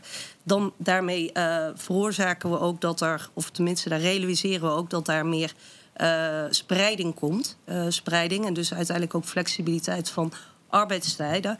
En dat is ook een wens wat naar voren kwam uit het onderzoek. Zo, hoe, jullie zijn, je bestaat nu nog een jaar of twee of drie? Nee, we het, sinds 2015. 2015? Ja. Eh, hoeveel leden krijg jij er ieder jaar bij? Uh, wij hebben de afgelopen twee jaar hè, van uh, corona hebben we significante groei gehad. Dus wij zitten nu op ruim 70. Dat was toen, hè, voor corona zaten we op 52, 54 werkgevers. En we merken nu dat doordat we het domein hybride werken geclaimd hebben... dat er eigenlijk veel meer vraag ook is... en ook kruisbestuiving vanuit verschillende sectoren... om te kijken hoe gaan we nu om met die nieuwe balans vinden van werken en reizen. Hoe werkt dat nou bij het individuele bedrijf? Hè? Is dat de directeur die van jullie hoort, die zich aanmeldt? Of is het het kader die initiatieven neemt? Hoe werkt dat per bedrijf? Nou, wij, wij vinden het belangrijk dat uiteindelijk de CEO, hè, dus de bestuurder zelf, die tekent een pledge. Waarin uh, hij of zij ook tekent voor die commitment voor 2030 van de verduurzaming van zakelijk reizen. En daarnaast werken we op drie niveaus. Hè. Dus twee keer per jaar komen we samen met de CEO's om te kijken, kunnen we nieuwe stippen en horizon zetten en waar kunnen we versnellen als coalitie. Um, en daarnaast komen we samen met HR en de MVO. Uh, manager. Want dat zijn uiteindelijk toch wel de belangrijkste um, stakeholders die zich bezighouden met het, uh, het opstellen van nieuw beleid en daadwerkelijk ook het draagvlak creëren en het implementeren van het beleid. Het is een prachtig initiatief, hè? Wat doen jullie aan de publiciteit rond het initiatief? Nou, wij, uh, wij treden daar veel mee, mee, naar buiten. Dat onderzoek waar ik na, net aan refereer, dat heeft veel uh, landelijke publiciteit ook uh, gehaald. We hebben recent in het FD hebben de bedrijven die eigenlijk een verduurzaming hebben gerealiseerd op internationaal vliegen, uh, anders reizen. Uh, die hebben we gefeliciteerd. Uh, we kijken ook, we zijn recent ook naar buiten gekomen met 28 werkgevers die als statement hebben aangegeven... in 2025 willen we een volledig fossielvrij uh, hebben. En we proberen eigenlijk ook uh, om te dienen als inspiratie voor zakelijk Nederland... dat wat is al mogelijk en zonder dat Den Haag met uh, een homogeen beleid komt. Dus zoveel mogelijk in de invloedssferen. Floor, dan moet je als muziek in oren klinken. Ja, ik vind het heel mooi. En vooral ook omdat... Dat, had jij er al van gehoord? Ik had wel, ik, we hebben elkaar nog niet eerder ontmoet, maar ik had er zeker van gehoord. En wat ik leuk aan dit soort initiatieven vind, is we, we weten vanuit de wetenschap dat er ook spillovers zijn. Dus als jij, uh, als jij via je werkgever eigenlijk meer met milieuvriendelijk gedrag bezig bent, dan ga je dat ook eigenlijk als vanzelf in je persoonlijk leven meer doen. En dan krijg je juist die versnellingen die we echt hard nodig hebben om de klimaatdoelen te halen. Achter mij trekt Henk aan mijn jasje. ja, dankjewel. Ja, uh, wij hebben ook onderzoek gedaan naar, uh, naar het thuiswerken en wat we verwachten dat er op termijn zal gebeuren. En daar blijkt dat uh, men dat nog zeker wel wil blijven doen, voor zover men dat kan.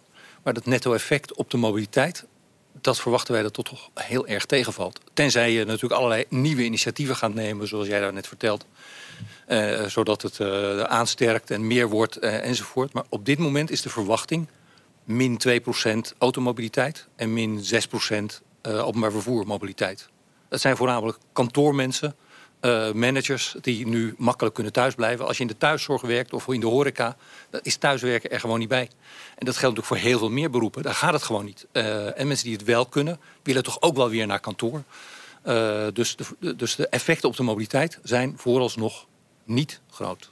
En op, de, ja, en op de spreiding van de mobiliteit? Ja, dat kan natuurlijk wel. Je kunt best minder file hebben omdat je ietsje later naar kantoor gaat of ietsje eerder en een, een uurtje thuis werkt. Dus er zijn allerlei positieve bijeffecten mogelijk. Maar de totale, de netto afgelegde afstand in Nederland, die gaat uh, met de auto, die gaat uh, zoals wij dat nu zien, met hoogstens 2% minder snel uh, groeien als hij dat deed. Floor, dat klinkt niet erg enthousiast, hè? Ja, ja nee. de... Ik, ik bedoel natuurlijk Tessa. Ja, ik was even in de war. Um, nee, klopt. Ja, ik denk ook dat je daarom heel erg op die deelmobiliteit moet gaan inzetten. En op um, meer OV binnen voor je woon-werkverkeer. Um, en zeker als je het hebt over bijvoorbeeld zelfrijdende auto's in de toekomst, zou dat een enorme uitkomst kunnen bieden. Uh, als die dynamische routes kunnen nemen en zo kunnen inspelen op de, op de vraag in plaats van het aanbod. Ik zie dat Peter van Natuur Milieu ook graag iets wil zeggen. Ja, ik wil graag even reageren net op uh, het vraag van Floor en van, van Henk. Um, en het thuiswerken. Uiteindelijk heeft het natuurlijk wel een heel groot deel op het invloed op het anders denken. Hè. De, misschien dat per saldo de mobiliteit uh, toegaat, want mensen willen altijd bewegen. Misschien kennen we de, de. Je, je recht of je ommetje, je moet altijd even eruit. Ehm, maar die spits, en dat is natuurlijk in het verleden werd alle mobiliteitsbeleid rondom de spits en de filesbestrijding uh, uh, ingericht. Ja, dat gaat echt veranderen. Uh, en dat betekent dat die hele discussie over infrastructuur, over meer snelwegen, meer, meer, meer, dat we die toch echt opnieuw moeten gaan bekijken en anders moeten gaan benaderen. En in onze ogen zou je daar eens even een pas op de plaats moeten maken en geen nieuwe snelwegen moeten aanleggen. Tamara, heb jij ook met dit debat te maken? Ja, nee, kijk, uit, het, uit ons onderzoek is ook gebleken dat, dat nu in Nederland uh, zes van de tien werkgevers nog geen beleid heeft gecommuniceerd over wat eigenlijk al achterhaald is, over wat is nu die manier van werken. Wij realiseren ons als coalitie anders reizen terug naar het oude normaal. Dat, dat is geen optie meer. En we moeten vooruit, uh, want 2030 is een heel, heel duidelijk doel. Uh, en als je kijkt naar Fit for uh, 55, dan, dan kan je eigenlijk zeggen dat het huidige klimaatakkoord niet genoeg is. Dat betekent dat we moeten versnellen. Uh, op het moment dat werkgevers nu gaan kijken en eigenlijk daar al stappen in hadden moeten zetten. Wat kunnen we doen om zo min mogelijk CO2-reductie te realiseren? Kun je ook kijken naar het differentiëren van je reisbeleid, hè, je, je reiskostenvergoeding. Waarin, als je nu kijkt naar de overheid, dat er eigenlijk een, een, uh, een verhoging gaat komen van die onbelaste reiskostenvergoeding hè, van, uh, van 19 cent naar 21. Dat vinden wij eigenlijk een, een prikkel die, die een verkeerd signaal afgeeft. Als je tegelijkertijd ook zegt, hè, er gaat een normering komen uh, voor bedrijven vanaf 100 medewerkers om je kilometersregistratie. Wij, wij zeggen Kijk en stimuleer duurzaam gedrag. Zet bijvoorbeeld ook in op subsidies voor de elektrische fiets. Uh, stimuleer het fietsgebruik, want daar is een gigantische winst te pakken. Met name ook als je bekijkt dat de meerderheid van de medewerkers van een straal van 10 tot 15 kilometer van een werkgever afwoont. En daar valt een hele ruime winst te zetten. Dus wij willen niet alleen inzetten op die EV-auto, dat is een tussenfase. Maar dat is nog veel meer winst te halen als je kijkt hoe kun je nu stimuleren op duurzaam gedrag. En op andere mobiliteitskeuzes. Uh, Arco Hoekstra gaat zich ontwikkelen tot een vaste panellid. ja, excuus dat ik weer inbreek. Maar ik vind het ook heel belangrijk om juist in dit blok even te benadrukken... dat we volgens mij teruggaan naar een idee van de overheid... moet misschien echt een rol hebben in die systeemtransitie. Dus niet meer die hele kleine overheid, maar een beetje de mission-driven economy, zoals een heel nieuw boek dat uitdrukt. En bijvoorbeeld als we eenmaal gaan denken aan hybride wijken, als we gaan denken aan 15 minuten steden, als we gaan denken aan mensen die heel anders met hun mobiliteit omgaan, dan praat je over een integraal probleem. En als ik heel eerlijk ben, vind ik dan dat Den Haag op dit moment heel erg verkokerd dat probleem oppakt en daar dus eigenlijk niet bij helpt.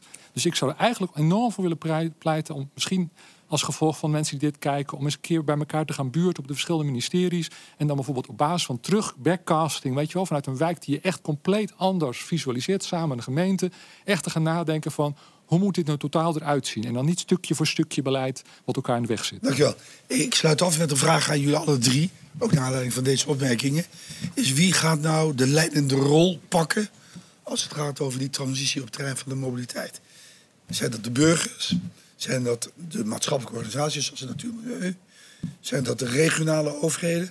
Of is dat de landelijke overheid? Of is het bedrijfsleven? Het makkelijkste antwoord is natuurlijk iedereen. Maar ik wil graag eh, van jou horen, Floor, eh, bij wie jij het accent zou willen leggen. Wie zit letterlijk even aan het stuur? Ik zou willen dat de landelijke overheid daar een grotere rol pakt. En, en wat we echt niet moeten doen, is het allemaal bij de burger neerleggen. Dus een coalitie, dat blijft Nederland natuurlijk, die daar samen over nadenkt. Maar de landelijke over, overheid die mag daar best wat sturender optreden. We hadden die coalitie onder leiding van Steven van Eyck. Is dat zoiets wat je bedoelt? Nou, ik vond het een, een mooi verhaal, ja, zeker. Ja, dan ga ik naar Tessa. Tessa, wie moet de... Jij vertegenwoordigt de jongeren. Wie moet de nemen? Ja, de landelijke overheid moet wel echt die coördinerende functie uh, op zich gaan nemen. En de regionale overheden moeten natuurlijk heel veel van de uitvoering uiteindelijk gaan doen. Zeker als je gaat kijken naar een andere indeling van steden. Maar de landelijke overheid zal daar wel het voortouw moeten nemen. Tamara? Ja, als bedrijfsleven laten we al zien met de coalitie wat mogelijk is. Hè? Uh, hoe kunnen we al CO2-reductie realiseren? Maar het zou uitermate helpen als daar wel prikkels komen en, en stimulans op duurzaam gedrag, als dat wel ook gestimuleerd wordt vanuit de overheid, zodat dat een versnelling uh, teweeg gaat brengen.